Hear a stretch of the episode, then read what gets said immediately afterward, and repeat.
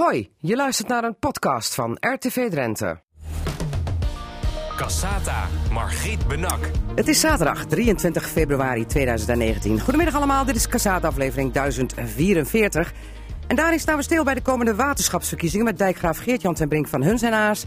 FC Emmen-directeur Wim Beekman stopt komende week met zijn droombaan. En dan zou ik bijna willen zeggen, dat is nog eens stoppen op je hoogtepunt. Het radioforum is er om het nieuws van deze week te bespreken. En speciale tafelgast is vandaag GroenLinks-lijsttrekker Hans Kuipers uit Meppel. Cassata, Margriet Benak. Radio Drenthe. Ja, hopelijk is het u allemaal nog niet ontgaan, maar we mogen weer naar de stembus op 20 maart voor de provinciale statenverkiezingen, maar ook voor de waterschapsverkiezingen.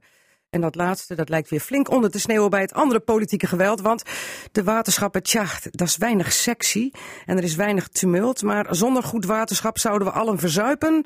Of uh, heel erg verdrogen. Of niet, dijkgraaf Geert-Jan ten Brink van Huns en Aas? Nou ja, waterschappen doen er al uh, jarenlang toe in Nederland. Functioneel bestuur. En zonder waterschap inderdaad uh, geen droge voeten en uh, veiligheid voorop. Maar ook de zorg voor voldoende en schoon water. Ja, ik las net een kop in de krant even voor. Waterschappen zijn niet sexy, maar gelukkig de dijkgraaf wel. Ja, ik beschouw het mij als een groot compliment aan deze dijkgraaf. Dankjewel. We praten straks uh, even inhoudelijk verder over nut en noodzaak van het waterschap. En hoe het toch ook maar komt dat die waterschapsverkiezingen zo weinig leven. En of dat ook anders zou moeten. Want we hebben in Cassata altijd een speciale tafelgast. En we zijn op weg naar de Provinciale Statenverkiezingen. En vanaf januari hebben we lijsttrekkers te gast op zaterdag. En vandaag is dat Hans Kuipers van GroenLinks Drenthe. Afkomstig uit Meppel. Welkom in Cassata. Ooit begonnen als een broekie in, uh, in de Provinciale Staten. Want u gaat voor uw derde termijn. Ja, klopt. Ik, uh, ik ben nu acht jaar uh, bezig op het uh, provinciehuis. De laatste vier jaar als statenlid en, en als fractievoorzitter. Uh, ja, ik was wel heel jong toen ik, uh, toen ik daar begon. 23 geloof ik hè? Ja, klopt. Ja, maar nog niet voor vol aangezien toen de eerste periode, want uh, toen was Hans Kuipers commissielid, maar nog niet echt statenlid hè? Nee, klopt. Dus dat, dat mogen we hebben als mensen die niet gekozen zijn, kunnen toch mee, mee praten. Af en toe werd er wel naar me geluisterd, moet ik zeggen. Oh, toch wel? Maar het helpt wel echt als je, als je statenlid bent. Ja. ja, maar daarnaast was Hans Kuipers toch ook actief in de lokale politiek in Meppel? Ja, ik ben ook acht jaar actief geweest in, in de gemeenteraad als duo-raadslid en ook als, als raadslid daar. Ik vind het zelf heel mooi om die verschillende bestuurslagen te verbinden. Dus gemeente en provincie. Nou ja, het waterschap hoort daar, hoort daar ook bij. Want we zijn allemaal eigenlijk bezig op hetzelfde stukje, stukje Drenthe. We willen vaak ook, uh, ook hetzelfde. En dan moet je ook die verbinding houden om, om samen wat te kunnen. Maar bij heel veel politieke partijen is het not done om tegelijkertijd in provinciale staten te zitten.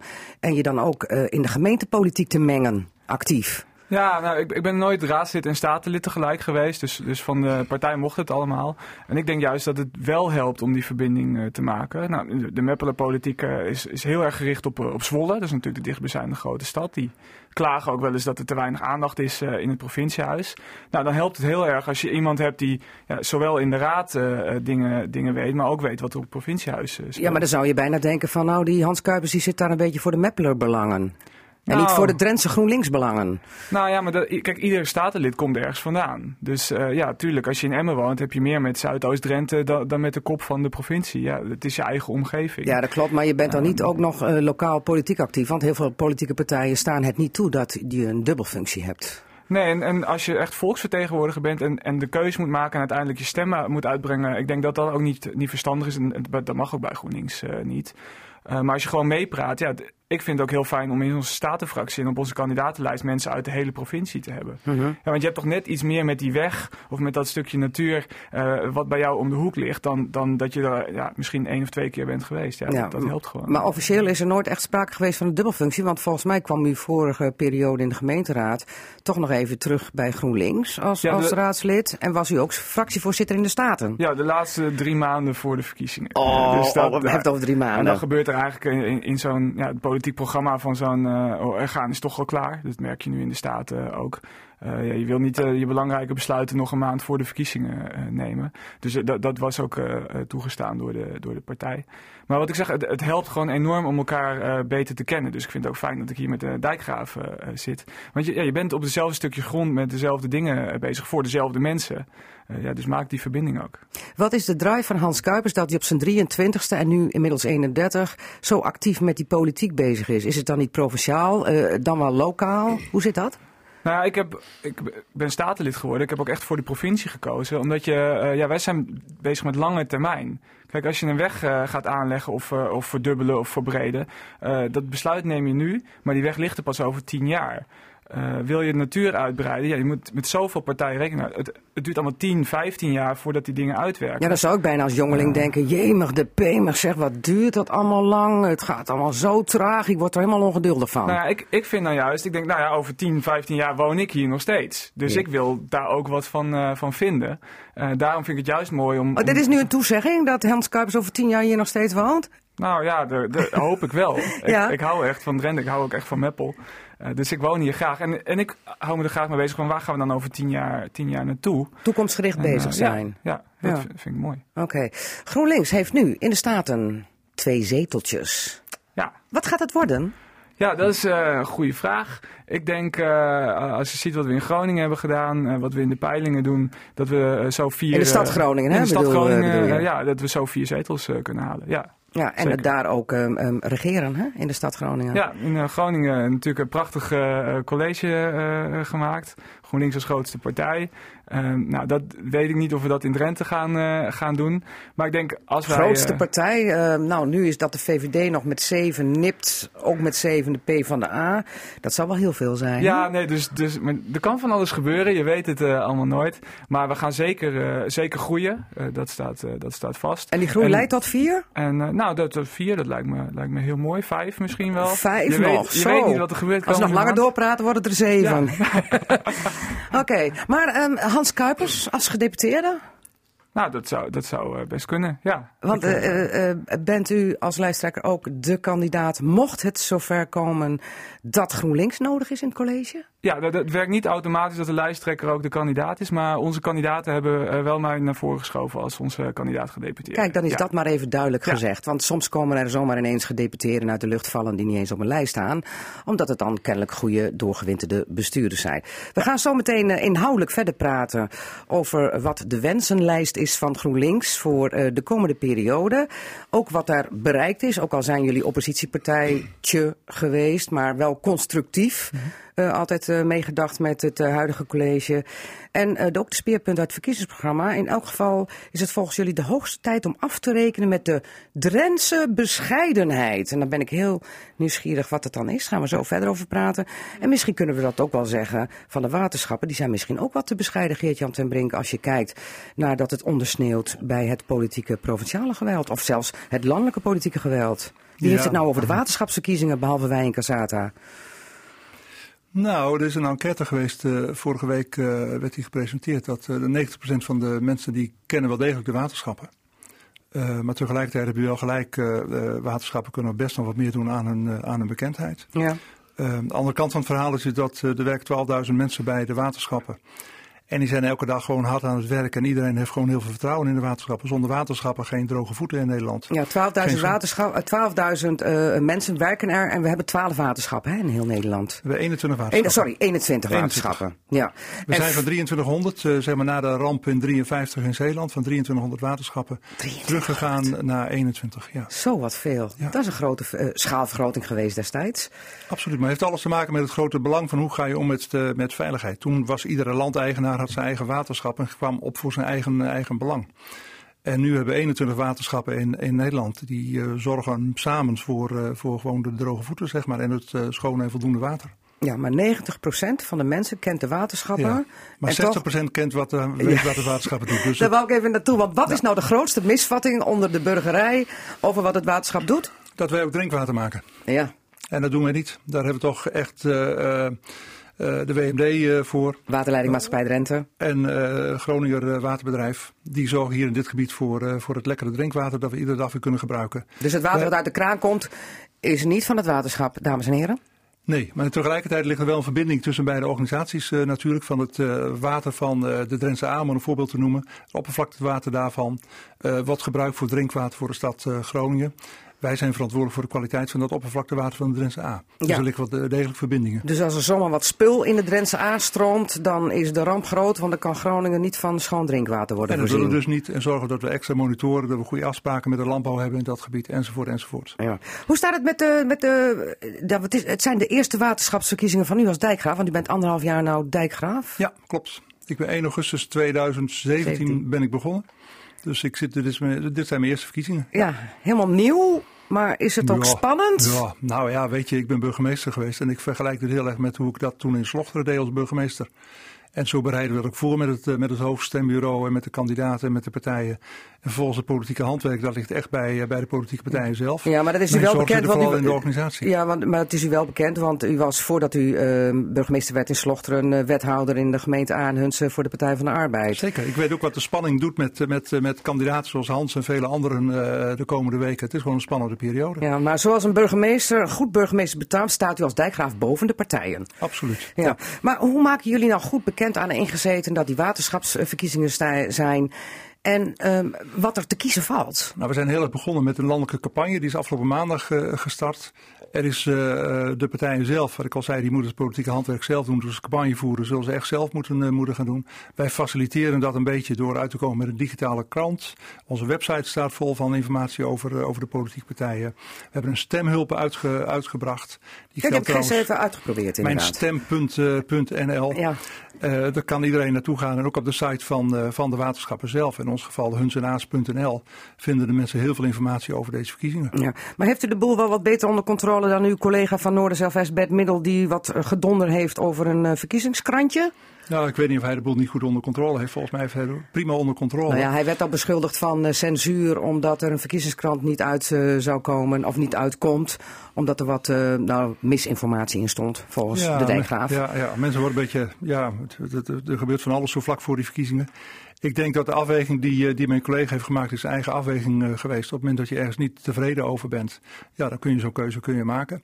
Eh, wij komen uit met een digitale krant die we zelf, die we zelf maken. Dus we Niet gaan lekker ouderwets op teksten. papier nog, dat de mensen iets in handen hebben?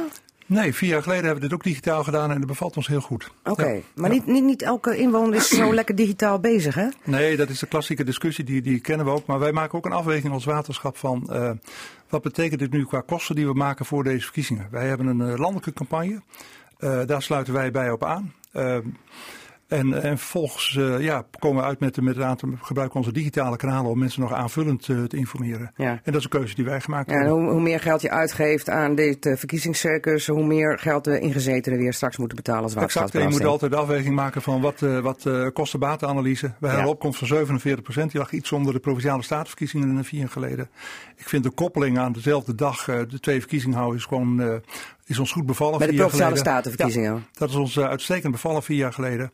En doen we nu weer. En ik eh, denk dat we nu weer een aantal procenten onder de opkomst voor de provinciale staten zullen liggen. Maar het voordeel is dan denk ik vooral dat mensen er niet speciaal voor naar de stembus hoeven, maar dat ze tegelijkertijd, hoe lui zijn we dan eigenlijk ook, eh, hun stem kunnen uitbrengen voor en het waterschap, maar ook die provinciale statenverkiezingen. Ja, je hebt twee enveloppen thuis. Neem ze alle twee mee naar het stembureau. En eh breng twee keer je stem uit. Ja, ja, dat is makkelijk. Maar het nadeel daarvan is wel dat jullie eigenlijk qua aandacht ondersneeuwen bij toch de provinciale statenverkiezingen. Of niet? Ja, tegelijkertijd zie ik dat alle aandacht voor provinciale staten gaat naar de Eerste Kamer toe. Ja, ook dat het, weer. houdt het kabinet zijn meerderheid. Ja. Ik bedoel, zo kunnen we met elkaar kunnen we of elkaar de put in praten of het positief eh, benaderen. Ik benader het liever positief. Het is een moment waarop mensen ook een stem kunnen uitbrengen op het eh, bestuur van het, van het waterschap. En we leven in een democratie, betaalt er belasting voor. Wat we erin stoppen komt er ook weer uit. Dus je hebt heel rechtstreeks heb je invloed op eh, wa- wat de richting gaat worden van je waterschap. Maar leg nog eens even uit aan de burgers. eh, want ik ben zelf van origine een boerendochter, dus ik ben opgegroeid met het waterschap. Omdat natuurlijk het waterschap van oudsher eigenlijk meer boerenbestuursorganen waren. Hè? Ehm, eh, waarom is het zo belangrijk voor de burgers wat het waterschap doet en wat doet het waterschap? Wij zorgen allereerst voor, voor veiligheid. Eh, zonder dijken eh, zou meer dan de helft van Nederland onder water staan. En tegenwoordig kunnen we spreken van eh, zonder bufferzones zou de helft van Nederland onder water staan. Hoe bedoelt u? De, de, de bufferzones die aangelegd zijn om eh, die grote hoosbuien op te vangen. Zoals de onlanden bijvoorbeeld. Ja, er wordt 20 miljoen kuub wat daar bewaard. Wij hebben eh, zelf een, eh, een eh, opvang voor negen gebieden voor, voor 50 miljoen eh, kuub. Dat is eh, meer in de periode dat er echt heel veel water gaat vallen en het niet in één keer kan worden afgevoerd eh, richting Waddenzee, richting Eems-Dollard. Eh, dan hebben we die buffergebieden hebben we daarvoor eh, Ja. nodig. Dat, dus dat is ook een belangrijk eh, element van die veiligheid, dat klopt. Uh, wij zorgen voor voldoende water. In tijden van droogte, nou we hebben de afgelopen zomer meegemaakt, hadden wij uh, 24.000 liter water per seconde in het, het gebied in. In totaal 125 miljard liter is, hebben het gebied ingepompt. Vanuit het IJsselmeer, hè? Vanuit het IJsselmeer, daar hebben we landelijke afspraken over. En uh, dat kunnen we ook zo, uh, vandaag kunnen we dat uh, weer gaan doen als het nodig zou, zou moeten zijn. Dat brengen we dan met pompen bovenlangs door Groningen heen of onderlangs via de Hoogveense Vaart het, het gebied in. Dus zorgen dat ook de agrarische sector het water kan gebruiken op het moment dat ze het nodig hebben.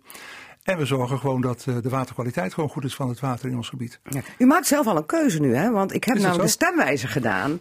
En dan zie je van als er water aangevoerd uh, gaat worden bij droogte, waar kies je dan voor? Moet het dan eerst naar de landbouw of naar de natuur? Ja. En u begon gelijk over de landbouw. Nou, ik weet niet of ik daar zozeer een keuze maak van. We hebben landelijk afspraken gemaakt uh, wat we doen met, uh, met op het moment dat er te weinig water is. En uh, veiligheid gaat voorop, is, is een belangrijke daarvoor. De nutsvoorzieningen zijn uh, ook een hele belangrijke, die staan op uh, plek 2. Daarnaast willen we geen onherstelbare schade toebrengen, bijvoorbeeld aan natuurgebieden. En uiteindelijk in die, in die, in die verdringingsreeks ja, is, is landbouw en, en, en, en tijdelijk schade aanbrengen. Dat is dan nog het minst ingewikkelde.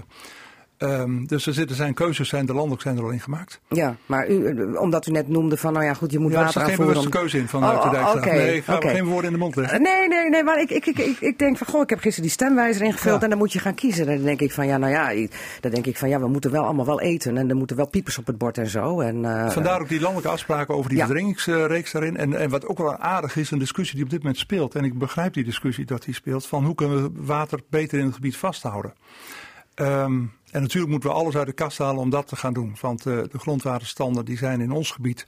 Zitten ze bijvoorbeeld op het Ballenhoofdveld bij, bij Buinen. Zitten ze net in de, in de range zoals we die normaal gesproken hebben. Maar ze zitten wel aan de onderkant. Ja. Dus we zitten nu op een 5,5 zeg maar. Dat en voor de duidelijkheid, het grondwaterpeil is nog steeds door de hele droge zomer van vorig jaar niet echt goed op peil. Er zit geen vet op de botten. Het zit, bij ons zit het onderin de marge nu. Wij zitten nu, zeggen nu van het is acceptabel, maar ook nog niet meer dan dat. Co code oranje?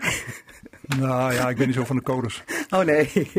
Nee, maar goed, het, het, zou eigenlijk wel wat meer mogen zijn. Want we hadden net in het nieuws 800.000 uh, woningen in heel Nederland uh, dreigen te verzakken door een veel te laag grondwaterpeil. Ja, en je ziet collega's in Brabant bijvoorbeeld die deze week in het nieuws waren. Daar is het echt nog een serieus probleem. Die overwegen een, een uh, berekeningsverbod in april.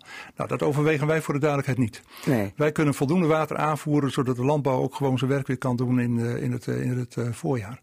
Maar het peil is wel een beetje nu op marginaal niveau. Ja, wij, wij zitten, wat ik net zei, zit onderaan in de marge. Het is een 5,5. Uh, maar ja, goed. Weet je, wij doen er alles aan wat we kunnen doen. Dus de pijlen die zijn zo hoog mogelijk gehouden in, in de winterperiode. Veel hoger dan we normaal gesproken doen. Om ook het grondwater weer aan te vullen. En op, ja, tot zover kun je gaan met de maatregelen. Andere maatregelen waarover nagedacht wordt. De waterschappen nu serieus aan het denken zijn. Hoe kunnen we water vasthouden in het gebied. Zodat je tijden van zomer daar wat gebruik van kunt maken. En hoe doen we dat? Nou, het is knap ingewikkeld, voor alle, alle duidelijkheid. Van, ik had het over die 125 uh, miljoen kuub, hè, die 125 miljard liter water wat het gebied ingegaan is. Vanuit het IJsselmeer? Vanuit het IJsselmeer. Als je dat zou willen bufferen in het gebied, dan moet je een gebied hebben zo uh, 20 keer zo groot als het Zuidlaarmeer. Dat zou eigenlijk heel Drenthe, zo'n half Drenthe onder nou, water even de extreme, even, ja, ja, even de extremiteit. 20 keer het Zuidlaarmeer. Ja, we hebben nu een berging in het Groningengebied voor 50 miljoen. 50 miljoen kuub. Um, nou, dat zijn al heel veel gebieden die gewoon nu gewoon gebruikt kunnen worden door de landbouw of de veeteelt. Uh, daar wordt van allerlei economische activiteiten vinden er plaats. Op het moment dat uh, wij ze nodig hebben, te tijden van, van nood, zeg maar. Daar kunnen we die bergingsgebieden ja. kunnen we inzetten. Maar hier zul je dus permanent water gaan, moeten gaan bufferen om te, in tijden van droogte te gaan gebruiken. Nou, dat is een hele ingewikkelde discussie, maar, maar die discussie dan, moeten we wel aangaan. Die discussie moeten we aangaan, maar hebben we dan niet te maken met extremiteiten zoals de afgelopen zomer? Of gaan we die extremiteiten steeds vaker krijgen door de klimaatverandering? Nou, het klimaat verandert wel. En de vraag is wel waar we op inspelen, maar ook de, de vraag is ook van waar kunnen we op inspelen? En tot hoe ver willen we gaan met het inspelen op mogelijke veranderingen? Dat zijn wel vragen waar ook het bestuur van een waterschap bijvoorbeeld, samen met de, met de, met de provincie en de gemeente, antwoord op moet, moet kunnen geven. En uh, daarin zit soms ook wel het verschil tussen partijen. Uh, we hebben die kerntaken. Hè. We zijn de functionele overheid. Beleid wordt gemaakt door de provincie en door de gemeente zelf. Uh, wij zijn aanvullend daarop. Maar stel nu dat er in een gemeente uh, regenwater wordt ontkoppeld. Dat er meer wordt gedaan aan buffering binnen, binnen steden. Zijn we dan ook als waterschap bereid om daar aan mee te betalen? Of leggen we die rekening juist neer bij, Leg, bij wacht de gemeente, even, dan gaat de het te snel. Het regenwater wordt ontkoppeld. Hoe bedoelt u dat? Um, meestal gaat het regenwater gewoon het riool in. Ja, zonde hè? Dat is heel jammer, want ook voor de werking van, uh, van die rioolzuiveringsinstallaties, waar wij weer voor verantwoordelijk zijn, eh, is het eh, vaak beter dat er minder regenwater in komt. Dus het is ook kostenefficiënter om zonder regenwater eh, rioolwater schoon te maken. En gezien de hete zomer van afgelopen zomer Nou, hadden we allemaal mooie regentonnen bij huis kunnen hebben om de tuin te besproeien. Zou kunnen. Eh, maar je zou ook regenwater kunnen ontkoppelen, zodat je in je gebied rondom je huis het water eh, eh, meer vasthoudt. Dus rond je eigen huis het water vasthouden. Ja, dat zou kunnen. En er zijn gemeenten die hebben projecten. Toen ik hier wethouder was, toen, toen, toen op het moment dat we rioleringswerkzaamheden hadden, dan gingen we het regenwater in het zandgebied ontkoppelen. En het water ging als het ware gewoon in een dikke buis eh, de zandlaag in. Nou, dat is één, één oplossing die je zou kunnen bedenken. Maar de vraag is dan, eh, zijn we ook als waterschap bereid om daar aan mee te betalen? Of leggen we die rekening alleen maar neer bij de, bij de gemeente of bij de inwoners van zo'n En wat is het antwoord daarop? Ja, dat heeft de dijkgraaf niet. Van de, daarin verschillende partijen van Ja, maar ik, ik zag het. is, eh, het is ook een vraag in de dus- stemwijzer. Hè? Ja. Je hebt- de operatie Steenbreek. En dat betekent dat mensen dan al die tegels en stenen uit de tuin moeten trekken. Daarvoor in de plaats groen. Dat houdt water vast, want anders krijg je die hele bulk water na een regenbui. Dat stroomt het riool inderdaad in. Ja. Wie zou dat moeten betalen? Eh, Het waterschap of de gemeente en de provincie? Wat zeg jij dan, Hans Kuipers? Nou, het is in ons aller belang. Wij betalen ook allemaal rioolheffing om al dat water af te werken. En dat sturen we naar het waterschap om schoon te maken. Kijk, hoe minder we die, eh, die kant op sturen, hoe minder we daarvoor hoeven te betalen. Dus ik, ik vind het prima te verdedigen dat we dat als gemeente en als provincie, eh, dat we daar een bijdrage aan leveren. En niet een taak van het dat- waterschap. je krijgt, ja, ook zeker. Want zij moeten dat verwerken. Zij moeten die eh, verwerkingsinstallaties bekostigen. ja, maar ik, het gaat om de bekostiging dan ook. Ja, ik denk dat we dat samen moeten doen. Het is een belang vanuit de inwoner, vanuit de maatschappij en ook een belang vanuit waterveiligheid. Ja. Weet je waar we heel mooi naar op zoek zijn? We zijn heel erg op zoek naar, de- naar het partnerschap tussen die, tussen die overheden zelf. Ik noem dat zelf partnerschap. Aanvullend op elkaar samen eh, eh, oplossingen zoeken voor, eh, voor de uitdagingen waar we voor staan. Ja.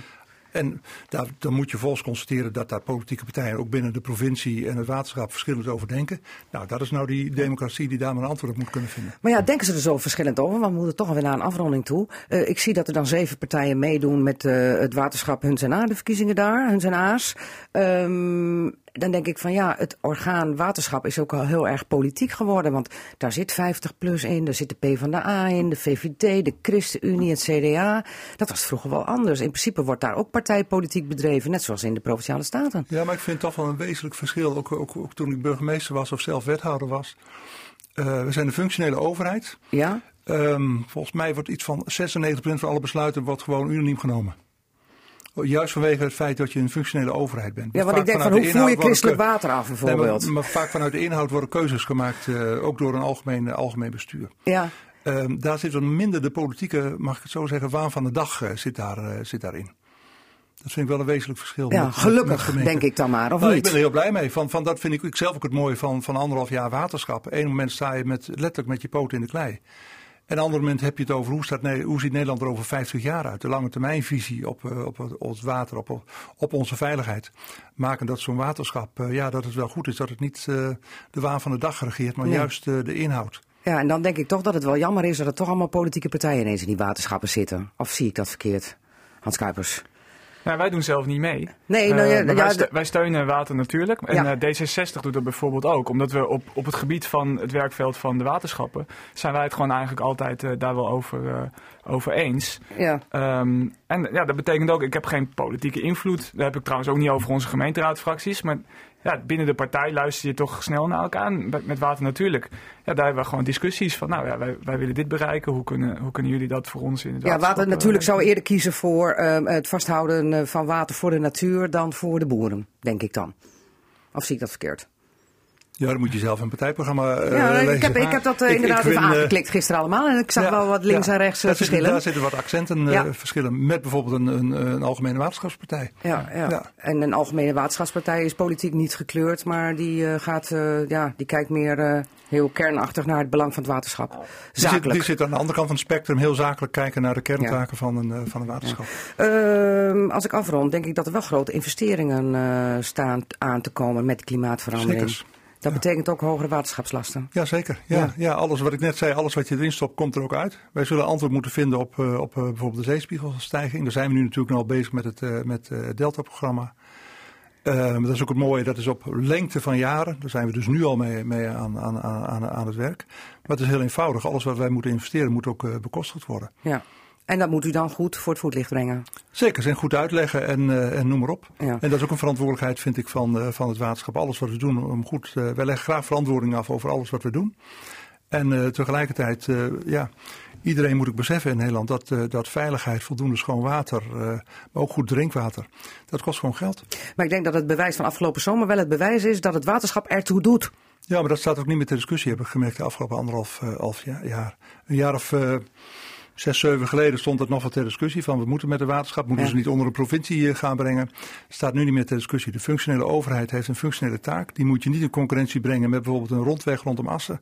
Uh, je moet gewoon die taak moet je goed uitvoeren. Oké. Wanneer is Geert-Jan ten Brink tevreden? Na 20 maart, als de verkiezingen zijn geweest? Als die mooi verlopen zijn en uh, als we weer een stabiel uh, wat is mooi krijgen. verlopen? Nou, weet je, gewoon netjes. Ik ga niks zeggen over opkomstpercentages of wat Ja, dat dan wou ook. ik nog graag. Nee, dat begrijp ik. Maar dat ze gewoon netjes verlopen en dat we daarna weer een stabiel bestuur uh, krijgen. Ah, maar toch wel een beetje meer dan de 47% van uh, vier jaar geleden, toch? Nou, wij zeggen landelijk en ik sluit er maar bij aan. Het zou mooi zijn dat we weer een paar procent meer krijgen. Maar ik vind ook dat provinciale staten er echt toe doen de komende periode. En daar liften wij gewoon op mee. Goed. Geert-Jan ten Brink, dijkgraaf van Huns en Haars, dank voor uw komst. En mensen, noteer het ook. Hè? Niet alleen de provinciale statenverkiezingen op 20 maart, maar dus ook de waterschapsverkiezingen.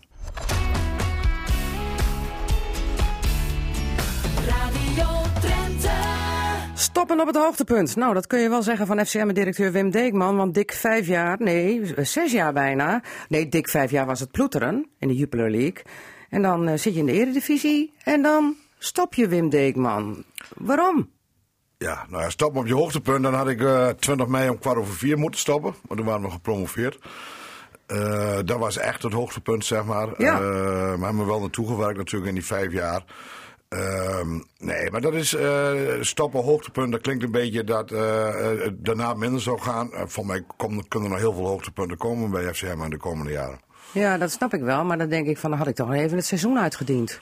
Als directeur. Ja, maar dan zou ik dat voor de, de bühne doen, zeg maar. Dat je, dat je dan directeur bent van de Eredivisieclub en dan ga je in juli weg. Maar kijk, heel veel contracten in de voetballerij zijn seizoensgebonden. Trainers, uh, voetballers. Maar een directeur die kan prima op 1 maart stoppen. En de uh, opvolger die kan in maart moet er veel beslissingen genomen worden. Over welke ondergrond gaan we spelen. Nieuw stadion, grote verbouwingsstadion. nou ja, al dat soort dingen. Trainers verlengen, spelers verlengen. Uh, dus uh, ik maak ruimte voor uh, de nieuwe directeur om, om, om daarmee aan de gang te gaan. Oké, nou als die directeur er al is in maart, vraag ik me af. Maar we praten straks zo verder over de inhoud. We gaan terugblikken en vooruitkijken. Want het mag geen schoolreisje zijn, hè, heb ik begrepen. Emmen in de eredivisie. Het moet na dit seizoen gewoon lekker door in de eredivisie.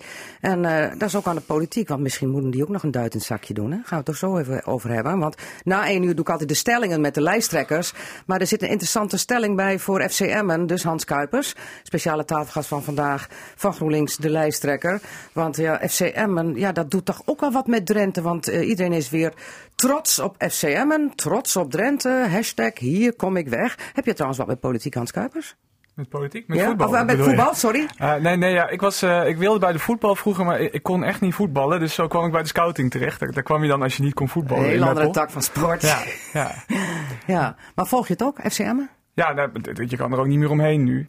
Maar ik volg het altijd al, want ja, als politicus volg je RTV Drenthe en dan zie je ook het voetbal. Uh, Oké, okay. en staan je... ze in het linker of rechter rijtje? Oh, daar heb ik geen, uh, geen verstand van. nee, maar ja. het, kijk, het, het, gaat gewoon goed met, met de FCM. En dat ging natuurlijk al een hele tijd, want je, je, je promoveert ook niet uh, vanuit het niks. En je zei net dan, uh, ja, GroenLinks wilde een beetje van het stoffige imago af. We willen laten zien wat we allemaal hebben. Ik was vooral heel verbaasd. FCM promoveert en, en het hele land was zoiets van, oh, Emmen, uh, Drenthe, kunnen ze daar dat dan ook? Ja. Weet je, en dat... En heel veel Drenthe dacht dat denk ik zelf ook. En dat, dat vinden wij gewoon jammer. Want het is gewoon jarenlang uh, hard aan gewerkt, gestaag. Dus ook dat valt onder de, de, de slogan: uh, we moeten af van de bescheidenheid. Ja, nou ja, dat, dat, heel veel politieke partijen uh, roepen dat. Maar ik, ik denk vooral, we kunnen hier zoveel. We kunnen ook verder vooruit uh, dan we denken. Laten we niet iedere keer dat wij een politieke discussie zoiets hebben van... ja, dat kunnen we niet of dat is veel te groot. Laten, laten we daar nou gewoon eens wat... Uh, nou, dan ram ik hem er gelijk maar voor. ik geef een voorzetje en dan tik jij hem in, Hans Kuipers. Um, FC Emmen, daar zijn we zo trots op in Drenthe. En het betekent zoveel voor Drenthe. Dan mag het de provincie ook al wat kosten als er een nieuw stadion moet komen. Eens of oneens? Oeh, ja. We hebben, we hebben eh, een half miljoen eh, eh, voor FCM hebben we meteen eh, gesteund na de, na de promotie. Ook GroenLinks. Ook GroenLinks. Ja, want eh, ja, je komt toch in een hele andere tak van sport. En er waren meteen aanpassingen nodig in dat, eh, eh, in, aan het stadion. Tuurlijk, dat moeten we gewoon doen. Want, want het is ook. ja, maar dat is gebeurd. We gaan nu Ja. even naar de toekomst. Ja, er moet een, verder. een verbouw komen of het liefst een nieuw stadion. Het was Dus, eens of oneens, toch? Ja, eens of oneens. Maar mag het wel even uitleggen? Ja. Heel Eh, goed, Wim. Ik ga er niet meteen eens op zeggen. Hangt er, hangt er, hangt er ook vanaf wat FCM van ons, eh, van ons vraagt. Kijk, eh, de- zo'n een nieuw stadion bijvoorbeeld, dat is hartstikke, hartstikke duur. Kost heel veel eh, provinciaal geld. En van een paar miljoen kun je zoveel sportclubs eh, eh, net uit de penarie eh, helpen. Ik weet niet of we dat zouden doen. Maar even een lekker Maar- duwtje in de rug. Maar een duwtje in de rug, ja, daar, daar staan we niet. eh, hoe eh, groot mag die duw tegen. zijn? Ja, de- de- Mag ik iets zeggen? Ja. Dat, Ja, dat, dat, dat, Zeg jij eh, een antwoord misschien iets op gaat schuiven. Ik heb eh, vorige week eh, voor 45 statenleden van Drenthe een presentatie gegeven. En daarin heb ik eh, nut en noodzaak van een voetbalclub eh, in Drenthe uitgelegd. Betaald voetbalclub, met name dan in de Eredivisie. En de verbindende factor daarvan tussen eh, maatschappelijk, eh, economie en sportief. En sportief zet je daarin voorop. En ik heb dat ook uitgelegd wat wij de laatste jaren allemaal eh, maatschappelijk gedaan hebben. Eh, ook, GroenLinks is daarbij eh, betrokken geweest bij de regenboogweken. Nou, we hebben hem niet een weekend hangen of, of een week in die week, maar we hebben hem gewoon elke dag hangen, want wij zijn tegen discriminatie. Nou, fit en fris maken van mensen die ver van de arbeidsmarkt of sociaal niet meer meedoen. Nou, al dat soort zaken hebben we nooit echt veel benoemd de laatste vijf jaar. Hebben we gewoon gedaan. En nu hebben we dat ondergebracht in Noorderschap United. En ik denk met de uitstraling van de Eredivisie en... eh, dat geldt trouwens ook voor de Formule 1 en TT. Al die dingen, die moeten we echt gebruiken om, om de verbinding te maken tussen maatschappelijk, economisch en sportief. Ja, en vergeet dan denk ik niet, Wim, dat het, we het over Zuidoost-Drenthe hebben. Hè? Toch het gebied waar wat meer problemen spelen dan in de rest van Emmen. de- dus in eh, Drenthe. Ja, dan moet je dus pieken. Dus eh, ik, ik heb eh, tien jaar geleden wel eens gezegd van je moet in alle Drentse eh, grotere steden, dus Assen, Meppel en Emmen, moet je gratis wifi aanleggen. Wat heel Nederland nog niet had, maar dat komt toen technisch al. Dus je moet soms even een stukje overslaan om, om, om eh, eh, ja, beter zichtbaar te worden. Maar goed, eh, le- leg jij nog eens even aan Hans Kuipers uit waarom er toch van de provincie ook boter bij de vis moet als het gaat om een nieuw stadion? Nou ja, kijk, wat ik, wat ik, wat ik ook in, in- bij die 45 statenleden aangegeven heb. want ik had ook even die kieswijzer ingevuld. En er zit ook een vraag in over FCM'en. En je kunt daarna ook even doorklikken en kijken van welke partijen het daarmee eens zijn en daar niet mee eens zijn. En ik vroeg me af door mijn presentatie of het misschien nog eh die kieswijzer aangepast kon worden. Eh, Ik moest wel eerlijk zeggen dat ik, eh wij hadden een miljoen aangevraagd om eh, in ieder geval eh, toegankelijkheid voor gehandicapten, blinde tribune, eh, allerlei voorzieningen eh, eh, van zomer klaar te maken. Eh daar is een knip in gemaakt, eh vijf ton. Nou, die is volgens mij, zo heet dat volgens mij, allemaal op groen gegaan. Dus alle partijen stonden daarachter. Ehm, maar kijk, de volgende stap moet je maken. En, en, en eh, eh, ik denk dat het heel goed mogelijk is als je ziet eh, eh, het sportieve. Dus dan kun je ook het verhaal, de problemen in, in, in Drenthe of in Zuidoost-Drenthe aankoppelen. Dus dat is sociaal niet altijd meedoen, obesitas, eenzaamheid on- onder ouderen. Nou, we hebben ook daar allemaal programma's voor. Om een lang verhaal kort Dus te je maken, geeft, Wim. niet, je geeft niet zeg maar eh, eh, 10 miljoen aan een voetbalclub waar spelers van gekocht worden. Nee, je geeft 10 miljoen aan een voetbalclub die daar een stadion van bouwt. En waarin activiteiten ontplooid worden. eh, Met uitstraling naar de regio toe. Ja, maatschappelijk, economisch en sportief. Hans eh, Kuipers knikt al ja. ja. Hij Nee, staat maar bijna kijk, om. Maar daar Nee, gaat het om, denk ik. Het, het mooie aan FCM en zeker eh, nu in de eredivisie ook. Je hebt heel veel mensen die zien dat. Die, die willen, Mhm. Heel veel jongeren gaan naar, naar de voetbalclub. Ook, ook elders in de provincie eromheen. Kijk, dat, dat zien we allemaal wel. Eh, maar ja, er moet gewoon een goed, goed plan liggen. En dan willen wij er best naar kijken. En dan zeg, ik zeg alleen niet van tevoren, wij, eh, eh, wij, wij geven Maar je staat er open voor. Ja, nee, Oké. Ja, maar Zeker, ik wil er toch iets over zeggen. Want eh, ik heb het toen de tijd vijf, zes jaar geleden omgedraaid. We hebben geen geld gevraagd. En als we geld krijgen, gaan we die activiteiten doen. Wij zijn allemaal activiteiten gaan doen. En nu zeggen we eigenlijk van, eh, dat is nu eh, eh, ook, ook, er zit fundament onder. Dat, dat is in de organisatie goed neergelegd. Vorige week hebben tien spelers met 200 kinderen ontbeten. Met de ouders erbij. Wat belangrijk is, wat een goed ontbijt is, dat soort dingen. Dus we hebben eerst gedaan. En nu zeggen we eigenlijk, als we dat gaan borgen, ja, dan hebben we wel geld voor nodig. Dan hebben we een Kom met de accommodatie voor beloning voor de toekomst. Ja, dus niet Ja? andersom van, hebben jullie geld en dan gaan wij waarschijnlijk wel een maatschappelijke actie doen. Nee. En eh, vertrouwen. Ik moet nog even een paar verkiezingsdingetjes afwerken met Hans. En dan gaan we naar eh, jou toe, Wim, met eh FCM en verder. Om even terug te blikken en vooruit te blikken. Want Hans Kuipers, even heel kort. Wie is Hans Kuipers? We weten dat je 31 bent, uit Meppel komt en verder. Verliefd, verloofd, getrouwd, kinderen. Ja, ik eh, woon samen met mijn vriendin in, eh, in Meppel. Ik eh, ehm, nou, ben nu acht jaar in de provinciale politiek bezig. En Eh, verder, wat doe je daarnaast? Ik ben een studie aan het afmaken. Nog steeds? Eh, ja, nog steeds. ja, dus eh, Wordt wel een hele lange studie. ja, nou ja, dat is al een tijdje in de afrondende fase. Maar, Leg even uit wat die studie is. eh, eh, wetenschapsfilosofie en theoretische natuurkunde. Oké. De bescheidenheid moet eraf van eh, eh, Drenthe. Noem eens concrete punten waarvan je zegt van daarmee wil GroenLinks de bescheidenheid eraf gooien. Nou ja, eh, hoe wij ons presenteren in in de rest van het land. En dan proberen we allemaal te laten zien hoe tof wij zijn. Maar er wordt toch altijd een beetje weer ja, zo'n sneuwe campagne dat wij laten zien hoe, hoeveel natuur we hebben. En eh, kom bij ons recreëren.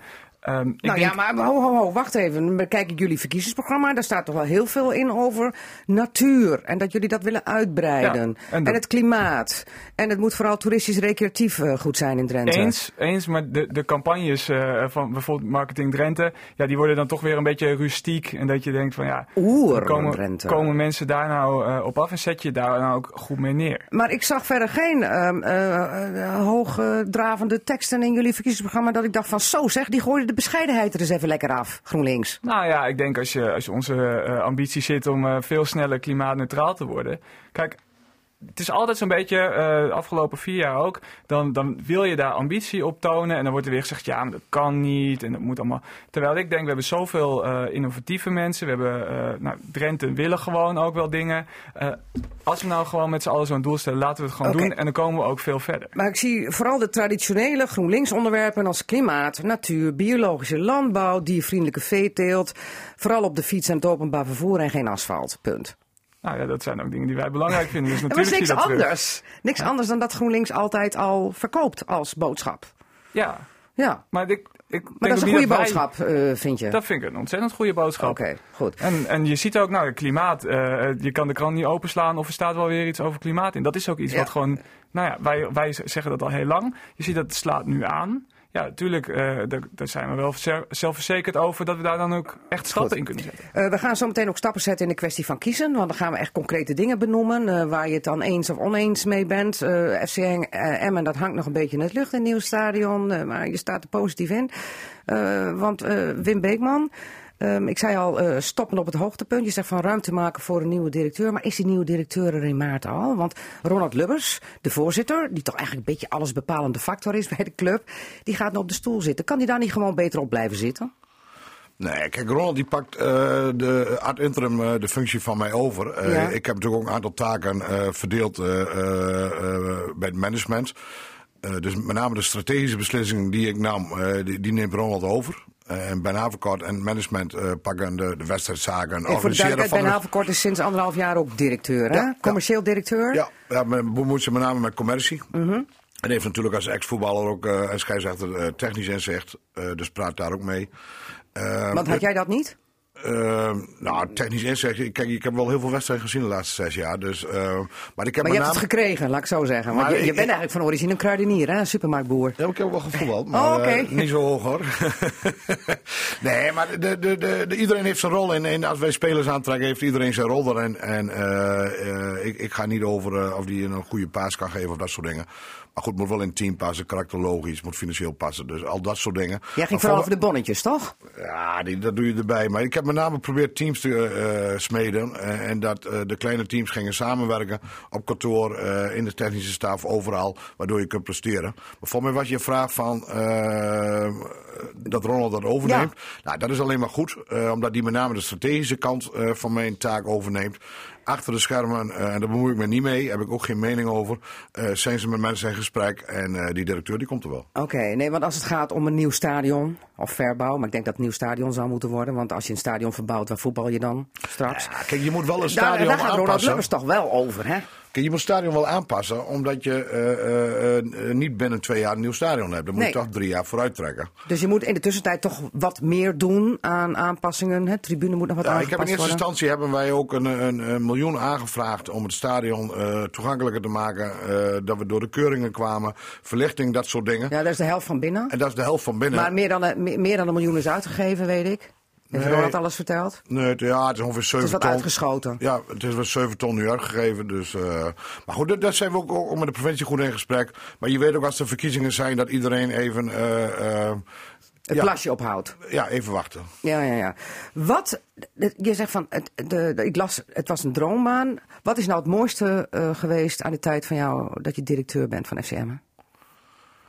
Ehm, Het moment. Ja, ik kan er maar één bedenken, maar Ja, jij denkt wel heel lang na. Ja, kijk, nee, ik, zit hem goed eh, na te denken. Maar kijk, het moment is natuurlijk eh, eh, 20 mei, eh, eh, kwart over vier. Ja. En, en de, en de 1-2 van Anko Jansen. Maar ik moet eerlijk zeggen, dat die na, daarna, ik, ik presenteer ook wel eens bij, eh, bij businessclubs en zo. En daar zit het filmpje in van eh 20 mei. Maar er zit inmiddels ook de laatste minuten van eh, tegen FC Groningen zitten daarbij in. Nou, jeetje, De laatste twee minuten van eh, tegen PSV thuis zitten daarbij in. Ja. En eh de doelpunt van Anko tegen ADO zit er inmiddels ook bij in. Dus mijn presentaties zijn voor mij steeds makkelijker. Want ik brei alle filmpjes aan elkaar. Ja, ja, en dan vergeet je die beroerde wedstrijden maar even. Net zoals afgelopen Ja, maar zo werkt het, Margriet. Eh, eh, je moet steeds wel weer eh, kijken van waar gaat er goed. En het glas is half vol en niet half leeg. Nee, bij jou is het half vol, hè? Bij mij is het altijd half vol. Ja. Ja. Ik denk ook altijd dat we winnen voor de wedstrijd. Ja, ja morgen ook, hè, tegen Vitesse. Ja, ja, dat wordt een memorabele wedstrijd, maar daar, daar heb ik goed gevoel over. ja. ja. Ehm, We moeten nog vier, vier winnen. Ja, nog vier winnen. Want jullie staan nu even voor de Hans Kuipers ook. Ze staan nu in het rechterrijtje, dus niet goed. We staan gedeeld 15e. Gedeeld 15, nou eigenlijk 16, onder Heerenveen. Nee, Heerenveen heeft hetzelfde aantal punten. Ja, ja, maar niet als het gaat om doelsaldo en zo. Ja, maar daar kijk ik niet naar. Oh, daar kijk je niet naar. Je kijkt- 22 wedstrijden gespeeld, 24 punten. Maar er zit maar een hele kleine marge tussen. Want FC Groningen, die het eerst heel beroerd deed, staat nu op 9. En er zit drie punten tussen. Dus het zit allemaal heel dicht bij Ja, zeg elkaar. met name dat, dat Feyenoord, eh, Ajax en PSV hun werk niet doen. En, en die laten onderweg ook punten leggen tegen concurrenten van ons. Dus daar zit het probleem, weet je. We, moeten, we dachten dat we met 34 punten veilig waren, maar ik denk dat het er 36 moeten worden. Misschien wel 70. Ja, ja, ja. Want daar ga jij ook voor, ook al ben je nog geen directeur meer. Het is geen schoolreisje, we moeten in de eredivisie blijven. Hoe groot is de kans daarop? Ehm 80 procent. 80% Maar ondertussen wordt er wel dus gewerkt aan die plannen hè, voor een nieuw stadion. Wat heeft jouw voorkeur? Nieuw of verbouw? Nieuw. Nieuw. Waar moet het dan komen? Eh, dat zijn, eh, is eigenlijk niet zo belangrijk. Eh, het- kan in het huidige gebied waar we nu zitten. Maar het zou ook op andere locaties kunnen. Ja, ja. Wat kun je vooral op jouw konto schrijven als directeur? Ehm, dat mensen weer met elkaar zijn gaan samenwerken. Een stukje cultuurverandering. financieel goed opletten, de zwarte cijfers schrijven. En doordat je dat allemaal doet, faciliteer je dat je sportief dingen kunt eh, behalen. We hebben natuurlijk ook vier, vijf keer de dakoppositie gehaald. En dat was voorheen 13 jaar niet gebeurd. Dus, eh, maar mensen met elkaar, ja, verbinder. Ik denk dat ik verbinder ben. Oké, en dan gaat die verbinder weg. Dat is toch eigenlijk wel een beetje jammer, hè? Ja, maar goed, eh, je moet ook voor jezelf kijken van wa- wa- waar, waar ben ik goed in. Onder nul beginnen, mensen binden en boeien. En, en misschien de tijd die nu komt, dat, misschien ben ik daar ook wel niet zo goed in. Moet je naar jezelf kijken van, eh, ben ik de juiste man op de juiste plek de komende vijf jaar? En dat terwijl iemand jou heel vaak voor eh, kruidenier heeft uitgemaakt. Hè? Ik heb het dan over Jaap Stalenburg. Kruideniersmentaliteit. Ja, maar ik heb natuurlijk daar zelf ook af en toe wel een beetje verzekerd. Het eerste half jaar stonden we onder curatele. Moesten Ja. we elk, elk eh, bedragje wat we uitgaven, moesten we overleggen met de KVB. Dus ik heb daar ook wel een beetje misbruik van gemaakt door mezelf ook gewoon kruidenier te noemen. Ja, ja, ja, ja. Maar goed, die kruideniersmentaliteit heeft nou uiteindelijk wel voor zwarte cijfertjes gezorgd. Wat is het eh, belangrijkste advies aan jouw opvolger als directeur? Wat moet het voor iemand worden? Binnen een minuut moet je dat even ophoesten nu. Ja, het liefst dat hij eh, technische kwaliteiten heeft, dat hij een verbinder is en dat hij eh, ook nog eh, een beetje vastgoedervaring heeft, de- zodat hij een mooi nieuw multifunctioneel stadion neer kan zetten. Met wat voor grasmat? En die, maar wat voor grasmaat? Ja, Drents gras, hè? Drentsgras. Queensgrass. Dat zou kunnen, maar... Maar weer een echte grasmat? ja, voetbal moet op gras gespeeld worden, Oké. smerige broekjes, eh, als het regent, de geur van gras. Uh, praat ik even op eigen titel, eh, absoluut gras. Oké, Wim Beekman, ik wens jou eh, veel plezier bij je afscheid. Al was het wel een beetje een beroerde week met het overlijden van eh, Jorg Scherpen. Dinsdag uitvaart in het stadion. Ik kan me voorstellen dat het net nog even een, een- toch een raar randje geeft aan jouw afscheid. Ja, maar het is eh, met name voor de familie triest genoeg. En eh, we doen alles wat we voor hun kunnen doen, eh, gaan we doen. Oké, sterkte met alles en eh, Wim Beekman, eh, succes bij je afscheid. Margriet Benak. Radio Drenthe. Ja, hij lacht nog, Hans Kuipers, maar het lachen gaat je, vergaat je hoor. Want het is met de water voor de dokter nou, oneens of oneens. En Wim Beekman, Beekman, hè, Deetman. Ik zit in de war met Deetman. Wim Beekman, die drukte net ook al even aan. Zo van, wat gaat hij doen met FCM? En heb je inmiddels er wat langer over nagedacht? En eh, denkend aan Emmen, denk je aan... Ach, het mag geld kosten als het maar niet te veel is? Ja, als je me niet vastpint om een bedrag, dan zeg, ga ik wel mee met eens. Oké. En wat wordt het morgen uh, Emmen-Vitesse? Heb je daar al over nagedacht? Nee, daar kom ik niet uit. Nou, ik sprak net uh, Wim even bij het uitlaten en die zei het wordt 2-1 dan voor Emmen. Hè? Doe, doe ik daarmee mee. Ja, ja oké, okay, 2-1. Dus uh, even uh, alle jongens van FC Emmen op scherp. gun Wim Beekman een hartstikke mooie afscheidswedstrijd morgen. Ook al spelen de jongens met, met de rouwbanden. Ja, ja. Hè? Heel verdrietig met het overlijden van de 20-jarige broer van uh, keeper Kjell Scherpen. Maar toch 2-1. Ik hoop echt dat dat morgen wordt en dan pakken ze drie belangrijke punten. Uh, maar daar gaan we het verder niet over hebben, want politiek bedrijven is een kwestie van kiezen. Dus ik gooi Hans Kuipers, speciale tafelgast van vandaag, uh, een paar stellingen voor de voeten. Want GroenLinks moet straks ook kiezen. En stel eens voor dat ze in het college van GS komen met Hans Kuipers als gedeputeerde. Wie zal het zeggen, maar je bent in ieder geval de kandidaat. Dan heb ik even uh, een paar stellingen waar je eens even op moet reageren. Omdat het een tandje harder moet met de energietransitie in Drenthe. Nou, dat spreek je aan, want je wil in 2030 om. Uh, zeg je in Drenthe. Moeten er meer windmolens komen? Ja, dat moet, moet zeker. Ja. En uh, niet op de manier waarop we dat nu gedaan hebben. Zoals zijn, in de Veenkoloniën? zoals in de Veenkoloniën. Dat is, dat is gewoon niet, niet goed gegaan. Ligt trouwens niet alleen aan de provincie. Uh, zeker ook aan, uh, aan het Rijk. En, uh, ja, dan heb je het over de Rijkscoördinatieregeling ja, van bovenaf. Het Rijk heeft opgelegd. daar gewoon ingegrepen terwijl wij fatsoenlijk bezig waren van, van onderop met de bevolking. Ja, kijk, tuurlijk, we willen energie-neutraal worden, klimaatneutraal worden, dus we willen ook windmolens. En kijk, niet iedereen wordt daar tevreden over, dat, dat weten we. Als je keuzes maakt, is er altijd wel iemand die het er niet mee eens is. Maar het kan veel beter. En het kan ook op veel logischere uh, plekken. Op al die plekken in ons landschap waar de horizon toch al niet uh, fantastisch is. Noem eens die logische plekken, Hans Kuipers. Uh, nou, langs, langs snelwegen. 28 Assen Zuid is alles in beeld geweest. Ja, dat zou, dat zou een prima, prima plek zijn. Gemeente Assen wil ook. delen van de Assen bevolking willen dat ook. Ja, maar ik heb al begrepen dat ze een, een, een, energiekaart hebben gemaakt. En dan kan het weer niet, omdat Assen in een gebied ligt. Ook laagvliegroute. ik weet het allemaal niet, maar het kan dan weer niet. Nou ja, kijk, het, het kan het is allemaal ingewikkeld om het allemaal mooi in te passen in Drenthe, klopt.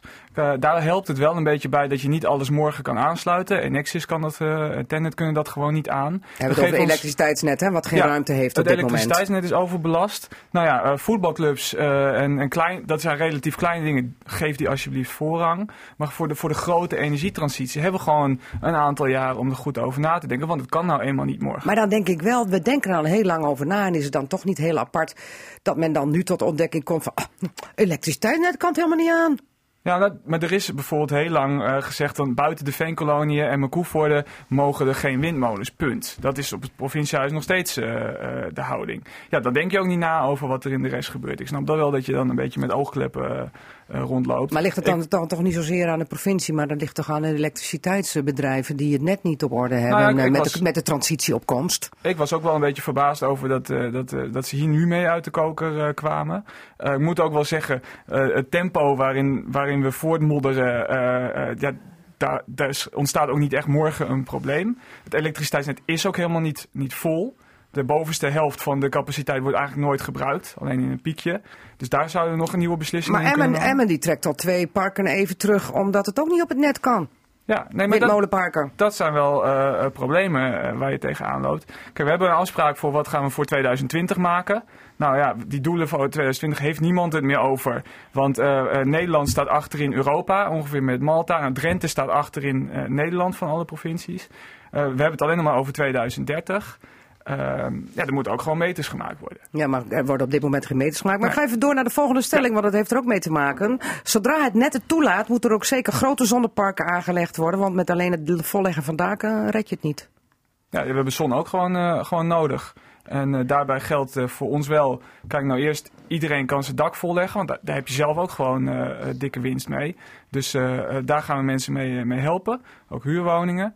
Uh, dan hebben we nog allerlei stukken grond. We hebben nog uh, stukken industrieterrein waar, waar de komende x jaar niemand uh, wat gaat doen. Bijvoorbeeld Assen Zuid, dat gaan nou, ze ook doen hè? Ja, leg dat vol. En uiteindelijk moet je kijken, hebben we het nou nodig? Hangt er ook vanaf hoeveel windmolens we willen accepteren als, als Drenthe. Als Drenthe. Um, ja, in het buitengebied. In ja. het buitengebied. Maar dan hebben we het over landbouwgrond. Ja, heb je het over landbouwgrond. Ja, Ja. Dat mag wat jullie betreft als GroenLinks. ja, dat sluiten we zeker niet uit. Goed. Ehm, de Formule 1 naar het TT-circuit in Assen. Daar wil ik vol gas voor gaan. Als het geld kost van de provincie mag dat. Nee. Helemaal daar- niet. Nee, daar gaan we niet aan meebetalen als, eh, als GroenLinks. Kijk, het, eh, het is op zich prima als er voor gelobbyd wordt, als eh, het geld op, op tafel komt. Kijk, er zijn, er zijn dagen, de TT-circuit heeft een vergunning. Als je eh, daar binnen blijft, kijk, dan heb ik liever eh, Formule 1 dan eh, al die dingen die, waar TT-circuit zich nu aan verhuurt met heel veel herrie, weinig aandacht.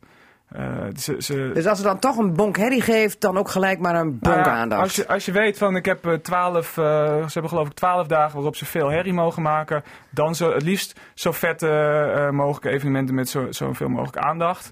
Maar het is niet zo dat we daar als provincie dan nog weer extra geld in eh, moeten gaan steken. We hebben, we hebben hun tri- tribunes hebben we nog weer eh, eh, opgeknapt. Ja. Dus het, het TT-circuit krijgt steun genoeg. Eh, dit moeten ze gewoon zelf eh, kunnen. Maar vindt Hans Kuipers het stiekem wel leuk als Formule 1 toch naar Drenthe komt? Persoonlijk heb ik niet zoveel met de Formule 1. Nee. Oké. nee. Nee. Maar- Maar, eh, als ik dan naar jullie verkiezingsprogramma kijk en we moeten af van de bescheidenheid, Ja. dat zou wel een stukje bescheidenheid eh, wegpoetsen. Nee, maar wat, ik zeg, als, het, als ze hier naartoe kunnen komen en er kunnen zeker wat andere evenementen eh, moeten er dan vanaf, maar dan, dan mogen ze prima een plek hebben. Ik ga ze niet tegenhouden. Oké. Veilige wegen is een groot goed. De N34 moet hoe dan ook verdubbeld worden. Nee, althans, veilige wegen is een groot goed, zeker. Eh, maar wil je de N34 bijvoorbeeld helemaal verdubbelen, eh, ik, ik zei het net al, dan kost je 10 jaar. Eh, vanaf de, als we vandaag ja zeggen, nou in zes jaar kan die er liggen, gaan mensen protesteren, duurt het zo tien jaar voordat die klaar is. Nou ja, dan heb je dus tien jaar lang een onveilige weg, voordat dat een keer voorbij is. Misschien mogen we over tien jaar wel niet eens meer auto rijden, omdat computers beter de auto kunnen besturen dan wij. Ik kan die tien jaar voor me uitkijken. Kijk, alle andere dingen die je wel kan doen, Maar een computergestuurde auto moet toch ook over een weg? Ja, maar die, die kan dat prima over een enkele weg. Die heeft niet allerlei dubbele wegen nodig om, eh, om snel niet snel te Oh, komen. je hoeft dan niet op te schieten. Maar eh, jawel, maar de computer kan veel nauwkeuriger, misschien, misschien Oh, hè, over tien jaar rijden. Nou, laten we eerst maar, eens elektrisch gaan als we- rijden als of op nou- waterstof. Als we nou mij. betere, eh, betere bebording langs de weg, soms wat geleiders, de weg anders inrichten, maar ook gewoon meer politie daar laten rijden, ehm, eh, daar kunnen we gewoon morgen mee beginnen. Dan hebben we morgen een veiliger weg, Ja. niet over tien jaar. Dus het verdubbelen van de N34 gaat alleen maar over, ik wil zo snel mogelijk in Groningen zijn, Ja. drie minuten tijdswinst. Gas op de gaat niet- door. Gaat niet over veiligheid. Oké. Het gaat dan niet over veiligheid, maar zijn jullie als GroenLinks het er wel over eens dat er dan op vier plekken nu eh, v- eh, eh, inhaalvakken komen? Of dat willen jullie ook niet? Nou ja, kijk, wij hadden het liefst eh, de, de, de snelheid gewoon teruggebracht. Zodat, 80 je- kilometer? zodat niet iedereen telkens op rare plekken die vrachtauto's voorbij wil. Eh, maar dit gaat nu gebeuren. Ja. Een Maar dit is ook niet jullie keus. Nee, Oké. niet. Goed, maar jullie kiezen ook niet voor asfalt. En als het dan gaat om asfalt of beton, dan moet het in fietssnelwegen, las ik. Ja, dus dat zijn wel eh, eh, mooie dingen. Als je mensen gewoon kan verlokken om het makkelijker te maken om snel even met de fiets te gaan. Ja, maar dan noem je Nou. iets, hè? Snel even met de fiets. Want je hebt van die speed pe pe pedelecs. Ja, van, hoe, nee, ja, hoe heet die dingen? ja, die gaan zo hard als een brommer. Ja. Juist. Of, eh, die kunnen flink hard, ja. Ja, maar is ook weer gevaarlijk. Nou ja, dan, dan moet je dus eh, misschien een verdubbeling van je fietspaden maken. Nog hele brede Ja. fietspaden Ja. in Drenthe. dan moet je helmplicht doen. Helmplicht. Ja, want mijn dochter werkt in het eh, ziekenhuis in Groningen. En die krijgt eh, eh, patiënten binnen die vallen met zo'n Ja. speed pedelec. Dat is eh, heel verschrikkelijk. Maar- Zelfs met de elektrische die- fiets kun je al lelijk vallen, heb ik Ja, begrepen. Ja, kijk, elektrische fiets is natuurlijk gewoon ook al een probleem. Die dingen, eh, zijn, zeker de wat oudere modellen, zijn gewoon zwaarder. Ze gaan ook harder, zeker als mensen erop overstappen, gaan ze opeens harder fietsen dan, dan ze eerst eh, eh, konden. Ja, daar moet je wel aan eh, wennen, dat is een probleem.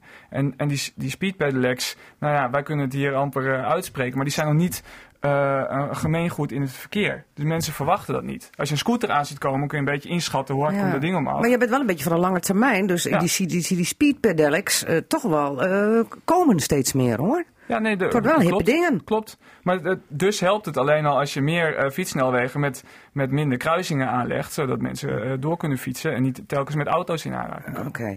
Groningen Airport Eelde moet in de lucht blijven als belangrijke voorziening voor de regio. En geld van de overheid erin steken is geen probleem. Nee, Nee hè? nee. Nee. Kijk, we moeten nou tien, de komende tien jaar moeten er 50 miljoen in van twee provincies en drie gemeenten. Dus eh, als je in Assen woont betaal je trouwens dubbel mee of 10 halo.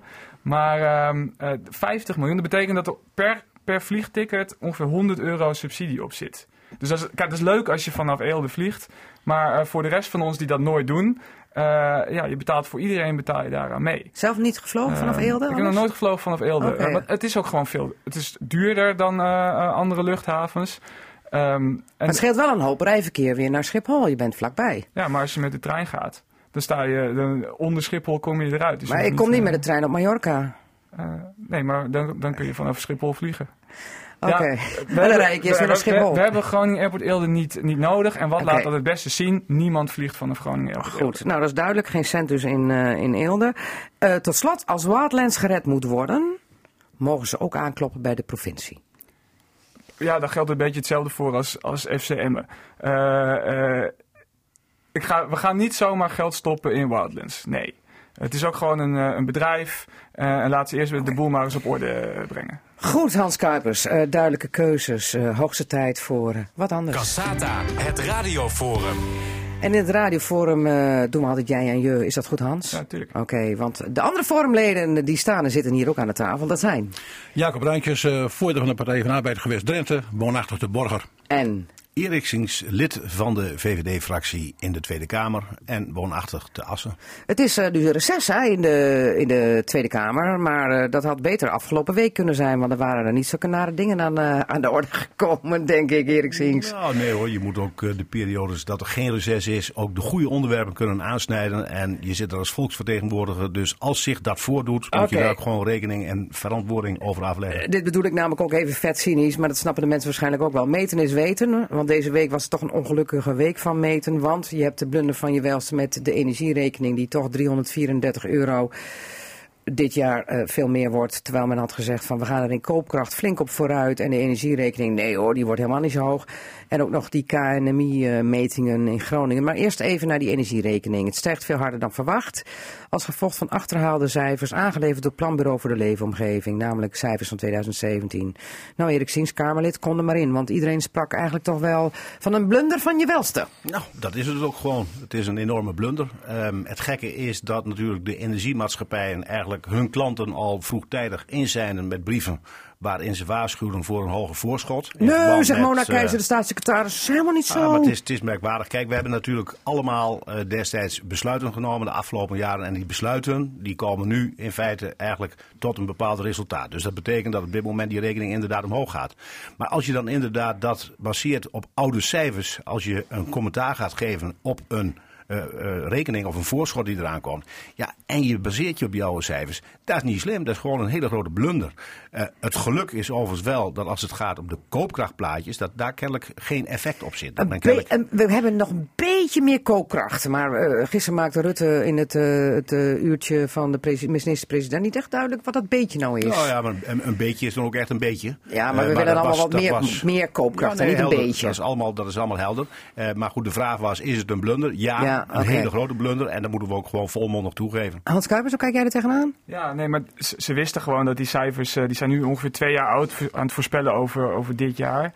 Eh, het kabinet heeft de energiebelasting daarna nog verhoogd, dus je wist zelf, het klopt niet. Je hebt dat zelf gedaan. Dan- had je daar toch gewoon rekening mee moeten houden. En, en het probleem zit er ook bij dat iedereen loopt de hele tijd naar die koopkrachtcijfers. Te kijken van het gemiddelde gezin gaat er x eh, euro vooruit of niet. En dan loop je zelf heel erg op de borst te kloppen van iedereen gaat erop vooruit. En dan blijkt het weer niet waar. En dan moet je dat weer terugnemen. Ja, en, en dat gaat alleen maar over gemiddelde. Dat, wat, wat ik thuis eh, ervaar of jij, ja, dat, dat kun je ook weer niet terugvinden in zo'n tabelletje. Nee, nee. Ehm, dus, dus het gaat altijd maar over die derde euro achter de komma. Eh, ja, daar moet je het land ook niet op, eh, op besturen. Jacob Bruintjes? Ja, als je met je hoofd in de oven zit en met je voeten in een emmer ijzer, ben je gemiddeld op temperatuur, maar ben je niet gezond. Wacht even. Als je met het hoofd in de Ja, oven Je zit en voeten in een de... emmer ijs, Ja? dan ben je gemiddeld op temperatuur, maar niet gezond. Hoe vaak doe je dat? Eh, eh, nee, dat geef ik als voorbeeld, eh Margriet. En eh, dat is over op gemiddelde wat Hans op duidt. Hè. En dat, is, dat maakt het ook heel lastig, want eh, dan klopt het dus eigenlijk nooit. Dat zie je nou ook. Maar ik moet wel zeggen dat, eh, eh, ik ben het met Hans wel eens, en ik vind ook dat, dat eh, Erik heel, heel terecht zegt, nou ja, dit is gewoon fout. Ja. Anders gemoeten. Dat je zegt, ja, dit, weet je, het probleem bij mij, wat ik hiermee heb, is dat het vertrouwen van de mensen in de politiek, of de boven ons gestelden, hè, zoals je dat dan Ja. zou kunnen noemen, dat wordt aangetast door dit soort dingen. En dat vind ik wel heel erg vervelend. En, Vooral omdat het dan gaat om loze beloften, meer en ik, koopkracht. en ik zag in het begin ook een beetje dat het het planbureau voor de leefomgeving dan vooral ja, die hebben eh, fouten gemaakt en zo. Dat, allemaal, dat klopt allemaal niet. Nee, wat ze aangeleverd hebben klopt wel. De, de cijfers die ze hebben gebruikt, hebben ze ongetwijfeld ook gemeld. Maar niemand heeft erbij nagedacht dat dat ook misschien wat oudere cijfers waren. Wat achterhaald. Daar zit, daar zit een fout. Nou, erken dat gewoon. Nou, Erik doet dat. Nou, klaar. Niet zo gemoeten, maar ik vind het wel heel erg... Voor het vertrouwen is niet goed. Maar als het dan toch blijkt dat de koopkracht eh, dermate eh, weinig stijgt, moet er dan nog een reparatie komen? Nou ja, kijk, ik ben, eh, ik ben erg erg voor de stijging van koopkracht. En zeker voor de laagste inkomens. Dat zal niemand verbazen. Want die zal, zal, zal Eh, hard en- treffen, en, denk ik. denk ik altijd van, ja, die energie voor de laagste inkomens is net zo duur voor de hoogste inkomens. Dus die hebben de meeste last van die stijging. Dus dat daar iets aan moet gebeuren, eh, daar zou ik erg voor zijn. Ja. Eh, eh, als we dan toch over foute metingen hebben, dan komt er nog even over vertrouwen gesproken nog bij. Dat de 80 bevingsmeters van het KNMI in het bevingsgebied Groningen al jaren verkeerd afgesteld staan. Dat is dan in augustus bij het KNMI bekend geworden. En dat wordt dan nu afgelopen week ineens per brief medegedeeld. Over vertrouwen gesproken, Erik Sinks. Enorme- Sta je weer gekleurd op? Het is een enorme schande. Ik heb er inmiddels ook eh, schriftelijke vragen over gesteld aan de staatssecretaris. eh, want in feite het KNMI valt onder staatssecretaris van Veldhoven. Ehm, Stientje al- van Veldhoven. Dat is correct. Ja. Ehm, maar het betekent wel dat, eh, dat we kunnen gewoon vaststellen eh, dat dit ook weer zo'n zo'n zo'n zo'n typisch ding is. Wat het, en Jacob zei het net al, eh, het vertrouwen. Het gaat om het vertrouwen. Die mensen in Groningen die maken zo verschrikkelijk veel mee de afgelopen jaren. Die zijn zo vaak ehm, eigenlijk eh, ja, voorzien van beloftes op enig gebied. En dan kun je allerlei redeneringen aan ophangen. Maar als dit er nog een keer overheen komt, ja, dat draagt niet bij aan dat vertrouwen. Ja, Erik Wiebes, de minister, die wil toch ook wel even het naadje van de kous weten van het KNMI, Jacob eh, Bruintjes. Terecht, Ja, want hij is nu wel de nee, pispaal. maar dat, dat is, dat, ja, dat is allemaal prima, naadje van de kou maar het, het, het, leed is al geschied. Eh, en dat komt bovenop een heleboel andere dingen. Ik heb eh, zo'n anderhalf jaar in het eh aardbevingsgebied rondgelopen. eh, in de opdracht van het ministerie van Onderwijs eh, gesprekken gevoerd met schoolbesturen, gemeentebesturen. En wat je daar tegenkomt is dat iedereen denkt van... dat beetje hulp dat wij nodig hebben, dat moeten we voor de poorten van de hel wegslepen. En die hel ziet er zo onder een paar maanden ziet er kennelijk ook nog weer anders uit. En dat maakt dat het vertrouwen bij de mensen wordt zo aangetast. Ik spreek mensen uit het gebied met enige regelmaat. Ja, de, de, de politiek, nou, dan, eh, eh, nou jongens, eh, geef mijn portie maar een fikkie. En dit helpt niet. Natuurlijk moet je daar tegen optreden, natuurlijk, maar het, het, het is al zo. Ga je dit straks terugvinden in de provinciale staatsverkiezingen in de uitslag? Ik weet niet dit of je het in de, in, de, zaken? in de opkomsten eh, terugziet.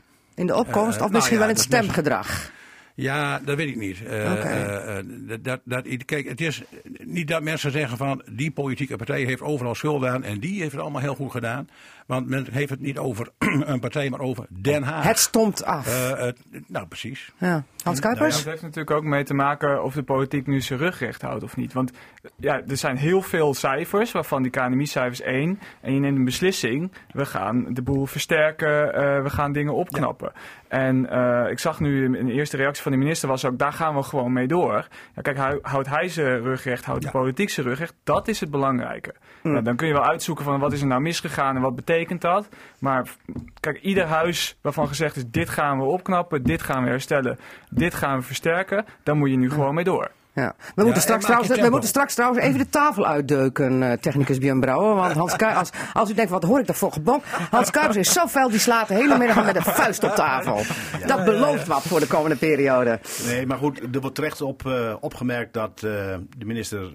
Hè, Erik Wiebes heeft aangegeven, we gaan gewoon door. Hè, Dus hij gaat daar geen consequenties aan verbinden dat hij dingen weer in een trage tempo gaat doen. Ja, want je et weet nu nog steeds niet wat nou het gevolg is hè, van die verkeerde metingen. Zijn de bevingen dan eh, eh, minder erg of erger geweest? Ja, dat is, dat, is dus, dat is dus het punt. Maar daarvan heeft Wiebes ook gewoon gezegd: geen gedonder, we gaan gewoon door. Het is natuurlijk ook best wel heel erg vervelend als je in die politiek actief bent. En je moet jezelf iedere keer beroepen op cijfers die je ter beschikking worden gesteld. Hè, laat ik dat hier ook maar even benoemen. Dan moet je ervan uit kunnen gaan dat die cijfers betrouwbaar zijn. Ja. En dat betekent ook, kijk, bij het PBL werd net al genoemd planbureau, Planbureau Leefomgeving. Plan- Planbureau Leefomgeving. eh, dat daar gewoon dat gebaseerd is op oudere gegevens. Dat had een ieder kunnen zien, ook degene die er gebruik van maakten. Maar KNMI is een andere kwestie. Die cijfers zijn gewoon op dat moment niet beschikbaar gesteld.